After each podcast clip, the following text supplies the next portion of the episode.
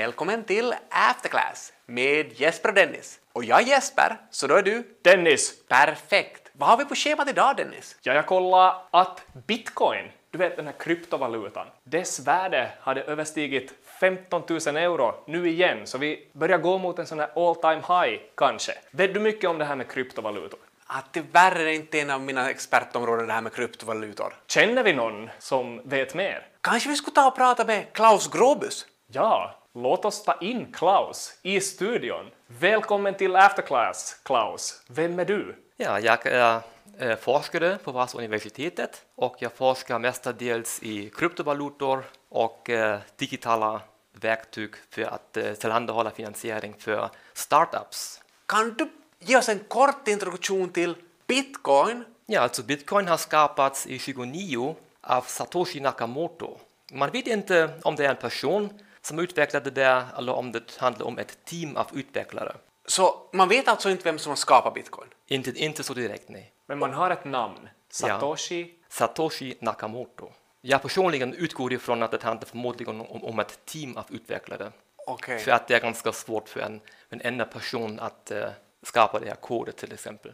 Till skillnad från eh, traditionella valutor så sker verifiering av transaktioner som görs i bitcoin peer-to-peer med hjälp av blockchain-teknologi. Ofta hör man ju om att bitcoin har en så kallad störande effekt på banker för att den där verifieringsprocessen utesluter banker helt och hållet. Alla transaktioner sparas på en offentlig databas. En viktig skillnad mellan bitcoin och traditionell valuta är att bitcoin finns det enbart digitalt. Det finns inga fysiska mynt eller sedel helt enkelt och dessa digitala pengar lagras förstås i en digital plånbok på nätet som kallas för wallet. Men finns det andra kryptovalutor än bitcoin? Jo, det finns det nog. Nu för tiden så finns det mer än 5000 kryptovalutor, men inte alla som har syfte att ersätta traditionella valutor. Okej, så vänta nu. Vad kan ett annat syfte vara? Bitcoin till exempel, eller ethereum, det är ju kryptovalutor som i princip borde ersätta traditionella pengar. Men det finns ju också nu, nu för tiden så kallade tokens. Tokens är också en typ av kryptovaluta, men tokens har mer syfte som till exempel att finansiera en, ett businessprojekt.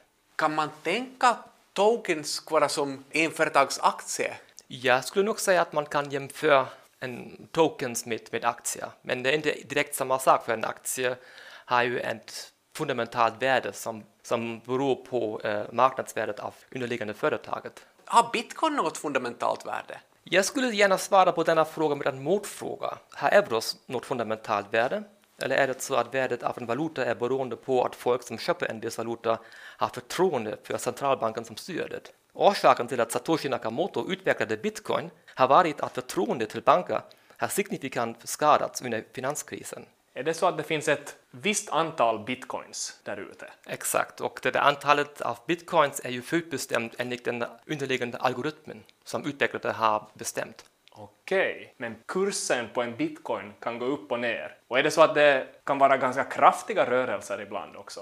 Absolut. Så från början, okej, vad var värdet på en bitcoin från början? I, alltså i början var den kring noll. Och nu har vi 15 000. Var den varit som högst? Jag ser att all time high var ungefär 17 000 euro. Vad är det liksom som kan orsaka sådana här stora rörelser då? Alltså enligt ekonomisk teori så bestäms jämviktspriset av en tillgång mellan utbud och efterfrågan. Bitcoins utbud körs av en förutbestämd algoritm som beräknar hur många nya bitcoin kommer in i systemet. För att utbudet på grund av det där är fixerat så skulle jag nog säga att rörelser i kryptovalutor orsakas enbart av efterfrågans sida. Så vem är det då som vill ha bitcoin? Forskning har visat att mestadels handlar det om spekulanter eller om kriminell aktivitet.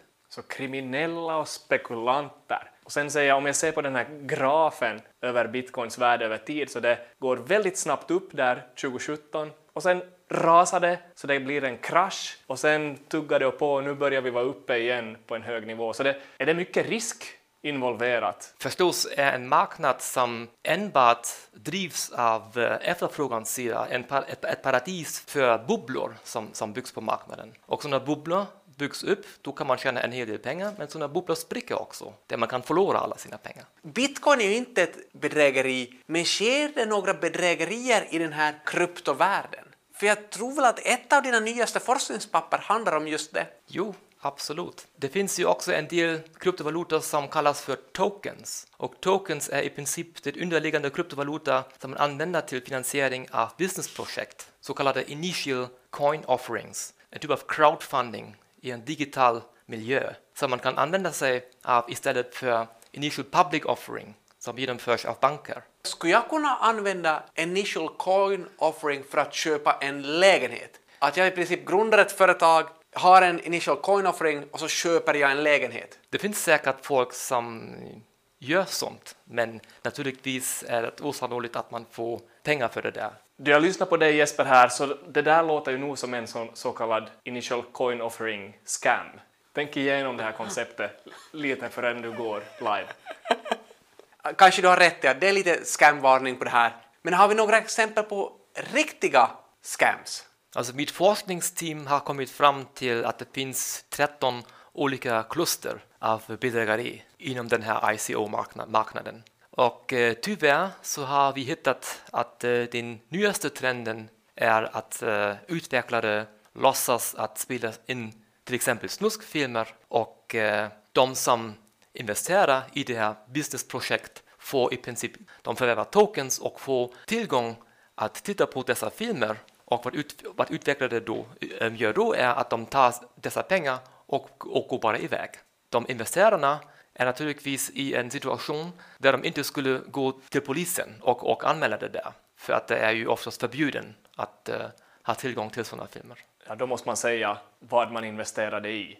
Exakt. Det där lät ju väldigt intressant. Finns det någon annan typ av scam som också är vanlig? En annan typ av uh, scam är ju att uh, folk får e-mail av utvecklarna och uh, trycker man på en sån knapp så vidarebefordras man till en annan webbsajt där man ger sina personlig information och de har möjlighet, till exempel få möjlighet att uh, logga in sig på uh, din dator och ta dina digitala pengar ifrån dig. Det är ganska mycket kriminella anspelningar här nu just, eller? Jo, men det är ju inte så förvånansvärt heller för att det är en marknad som är i princip icke-reglerad. Och i alla oreglerade marknader så finns det naturligtvis ett incitament för, för, för en bedragare att komma in i. Har vi något så här coinbedrägeri i vår närhet? En typ av scam som man ju har talat om mycket här är ju det här OneCoin scam. Var det här en initial coin offering? Det är lite kontroversiellt. Det handlar, egentligen handlar det om en ponzi, så kallad ponzi-scheme och eh, folk har förlorat totalt ungefär 3,7 miljarder dollars. Alltså det blev ett sånt här pyramidspel i princip. Exakt. Åtminstone jag känner att jag har lärt mig mer om bitcoin och kryptovalutor. Ett stort tack till dig, Klaus, för att du kom och redde ut det här lite för oss. Tack så mycket. Så nu har vi alltså lärt oss att visst, man kan bli rik på bitcoin, eller vissa har blivit rika på bitcoin, men kryptovalutor överlag är också associerade med väldigt mycket risker.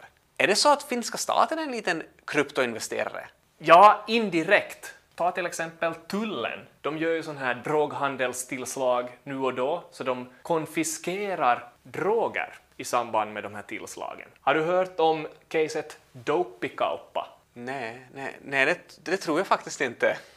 Nej, för det, det är en sån här droghandelsställe där på det här Darknet där man kunde handla droger. Och det här stället togs ner i ett stort tillslag 2016. Okej, så vänta nu, vad hittar man där då? Det var droger, Ja, en massa knark som man förstörde. hittar man något annat också? Ja, kryptovaluta. 1666 bitcoins. Förstördes de här bitcoinsen också? Nej, de eh, behöll man. Hur mycket var de här bitcoins värda när man hittade dem? Så vid den här tidpunkten, 2016, 1066 bitcoins var då typ 1,5 miljoner. Priset på en bitcoin i euro var då 900 euro. Så de här 1,5 miljonerna som man valde att inte förstöra, kan man se det här någonstans om man tittar på tullens hemsida? Eller, jag menar, var syns det här att staten äger de här bitcoinen? Ja, de syns i bokslutet. Så man kan läsa tullens årsberättelse. Första chocken här är att tullen har en årsberättelse. Ja, det, man kan googla sig fram till den, hitta lite neråt där, kanske på sid 40, balansräkningen. Och vet du hur en balansräkning är uppställd? Berätta för mig. Då, oftast har man just med sådana här mindre, mindre bolag, okej tullen är inte kanske ett vanligt bolag, men tänk ett aktiebolag, man har den här balansräkningen i så kallad likviditetsordning uppställd. Så man börjar kanske med några väldigt immateriella tillgångar, sånt som är svårt att ta på. På tillgångarnas sida då, tänk brand, ett brand, man har köpt ett bolag, aktiverat så att säga brandet. Kanske inte så lätt att göra sig av med det här brandet och förvandla det till pengar, eller hur? En sak som jag tror vi måste förklara här, vad, menar, vad, är, vad är likvid? Att är det bara så att desto likvidare en tillgång är, desto lättare är det att omvandla det till pengar? Så skulle man säga. Om du tänker dig en lista då, jag lägger brand högt upp, ett varumärke. Svårt att omvandla till pengar för att vi måste hitta den rätta köparen och så vidare. Går vi lite lägre ner i balansräkningen skulle vi kanske hitta en byggnad, en lagerbyggnad som ett företag äger. Okej, byggnaden kan gå att sälja åt någon om den är på ett attraktivt område och så vidare, men det tar ju alltid en viss tid. Det är kanske en ganska stor summa. Man kanske inte kan sälja den på eftermiddagen om man kommer på det på morgonen att man behöver pengar. Vad är det mest likvida då? Pengar som finns i kassan. Och var på den här skalan hamnar då om man råkar ha lite bitcoins? Det skulle klassificeras som så kallade finansiella tillgångar. Så att mellan de här byggnaderna och kassan och kanske också under varulagret skulle de här finansiella tillgångarna komma. Så ganska nära kassan, för att man kan ju omvandla det till pengar relativt snabbt. Och skulle man kunna säga på så sätt att om jag är en person som använder bitcoin till pengar för att handla med, så då kanske de till och med skulle kunna vara i kassan egentligen. Egentligen. Men i tullens fall så är de bland finansiella tillgångarna. Det här tillslaget skedde ju 2016. Satte tull, alltså jag menar, allt som tullen konfiskerar, sätter de upp det på sin balansräkning? Just de här bitcoinen, så de kom inte dit direkt, utan det, det, det dröjde två år tills 2018 då det här stadskansliet sa hej, ni ska lägga de här bitcoinen till balansräkningen. För allt det här med virtuella valutor var så pass nytt att ingen visste egentligen vad man skulle göra med dem. Så någonstans i tullens förvar fanns en USB-sticka med... Flera miljoner. Jag menar, hur fungerar det här rent bokföringstekniskt när man sätter till en ny tillgång på det här sättet? I tullens fall så en ny tillgång kom till och det var ju inte så att det försvann pengar från kassan som man köpte en byggnad för i det här fallet. Så det var inte en balansräkningstransaktion utan någonting måste ske på resultaträkningen också. Så att vad man gjorde var att man tog upp extraordinära intäkter om 10 miljoner år 2018. Sen ökar finansiella tillgångarna också med motsvarande summa. Men måste det inte hända någonting på passiva sidan också? Ja, det påverkar ju resultatet. Så det går in i egna kapitalet? Yes. Till bokföra sådana här tillgångar, vad har vi för olika alternativ som vi kan bokföra dem på? Jag har hört någonting om att man kan bokföra endera, endera enligt verkligt värde, så alltså marknadsvärde på de här bitcoins som man har, eller så enligt anskaffningsvärde. Vad har man valt att göra här? Och kan du förklara de här begreppen lite? Nu här skulle det vara det här verkligt värde, eller fair value. Man har tagit helt enkelt lite marknadspriset av de här bitcoinsen, tagit antalet bitcoins gånger priset som finns på marknaden, runda slängar 10 miljoner. För år 2018. Yes. För nu är väl de här bitcoinsen, för det första har de väl blivit lite flera än de här 1666 och så har ju bitcoins värde förändrats lite också, eller bitcoins pris. Ja, det är ju det som är lite intressant här, att om man kollar på den här värdestegringen, så det är egentligen från 2018 till 2019 fördubblades de här bitcoinsens värde för tullen. Så tullen bara satt på bitcoins och pengarna fördubblades. Så vad är, vad är just nu värdet av alla tullens bitcoin? Just nu 30 miljoner. För det första, alltså ska vi se det här som att tullen gör någon typ av investering eller vill tullen på något sätt bli av med de här bitcoins? Vad är, vad är tullens tanke här? Ja, de säger själva att vi har ett kryptoproblem och vi vill göra oss av med de här bitcoinsen. På samma sätt lite som att okay, man har konfiskerat knark som man kanske förstör, spolar ner i vässan. På samma sätt vill man nu bli av med de här bitcoinsen. Men problemet som de säger är då att okej, okay, om vi auktionerar ut de här bitcoinsen till exempel, kanske en massa kriminella tar vara på de här bitcoinsen och använder bitcoins i fortsatt knarkhandel till exempel. Så man vill inte understödja sånt. Så tullen ser sig själv som någon typ av hjälte här som förhindrar sån där illegal verksamhet med att själva sitta på knappt 2000 bitcoins. Ja, men det är ju lite paradoxalt här att jo, knarket, vad ska man kunna göra med knark istället för att förstöra det? Skulle man kanske kunna Inte förstöra det. Ja, inte förstöra det och kanske sälja det till kriminella som skulle få sälja det vidare och så vidare. Okej, det skulle vara ett alternativ. Eller förstöra det. Men jag tycker det är lite samma dilemma man står för inför med de här bitcoinsen. Okej, ska vi förstöra dem eller ska vi auktionera ut dem till kriminella? Men det verkar ju som att tullen ändå har gjort en hel del bra investeringar som då gagnar finländska medborgare. Absolut. Om man tänker på avkastningen på de här bitcoinsen från 2016, då man gjorde det här tillslaget, så har ju varit enorm. Jag räknade till 1896 procent i avkastning från 2016 för tullens bitcoininnehav. Så tullen verkar ju vara en ganska bra investerare på så sätt, om man bara kollar på procenten. Ja, verkligen. Och jag menar, om vi tar och jämför det här lite med statens andra investeringar. Så om vi då tänker på statens investeringsbolag Solidium, som då investerar kanske i sådana här finländska storbolag, äger aktier i företag som vi har pratat om som Nokia Renkaat. Har vi någon gång pratat om Sampo? Det tror jag. Så det här var 2016 sa vi visst. Så om vi skulle jämföra tullens avkastning på sina bitcoin-investeringar med Solidiums avkastning under fem år så är Solidiums snittavkastning under de fem senaste åren 3,6 procent. Så det är lite mindre än vad tullens placerare eller konfiskerare kunde åstadkomma. Ja, det är verkligen mycket mindre. Är det professionella typer som sitter och placerar pengar där vid Solidium? Absolut. Men om vi, om vi går tillbaka här till Solidium, så lite skoj att staten investerar ibland via sitt investeringsbolag Solidium, men ibland så investerar också staten via någonting som de kallar statsrådets kansli. Eller åtminstone om man tittar på ägarlistorna så står det statsrådets kansli. Vad äger de då? Bolag som är väldigt viktiga för Finland. Som vad skulle det kunna vara? nå, till exempel Altia, Spritbolaget? spritbolaget, Det är viktigt. Finnair, Neste Ja, men det är bra.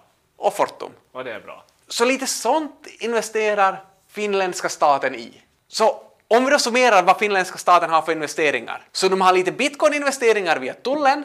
Slår vi ut de där 30 miljonerna på alla finländare så blir det ungefär 5,50 euro per person. Om vi tar och slår ihop statsrådskanslis investeringar med Solidiums investeringar så kommer ungefär till 34 miljarder eller 6 200 euro per person. Okej. 6 200 euro per person i då i princip finansiella värdepapper.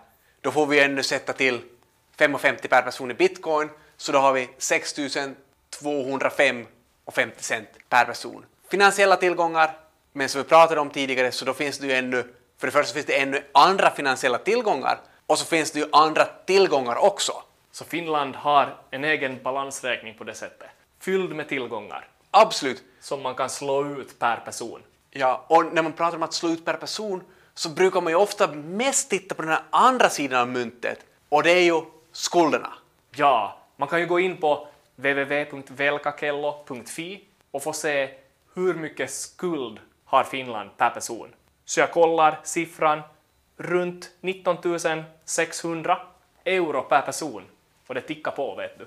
Uppåt alltså. Okej, och det här får ju många att svettas. Men borde vi svettas? Nej, där skulle jag vilja, vilja komma tillbaka till någonting som du vet ganska mycket om, den här så kallade balansekvationen. Ja, om man tänker på den här balansräkningen, så då är det ju tillgångar på en sida, eget kapital och skulder på den andra sidan. Och här är det väl det viktiga att man vill ju inte att egna kapitalet ska vara negativt. Nej, men man kan ju egentligen då säga att tillgångar är lika med eget kapital plus skulder. Så att eget kapital omarrangerat är lika med tillgångar minus skulder. Så för att få ut det här riktiga netto så kan vi väl ta allt som Finland äger, dividera per person, minus skulder per person. Och då får vi veta eget kapital, Per person. som förhoppningsvis är positivt. Ja, det låter som vi har en del räknande här framför oss. Ska vi lämna det till ett annat avsnitt? Det tycker jag vi gör. Vi gör så och återkommer nästa vecka med nya insikter i After Class.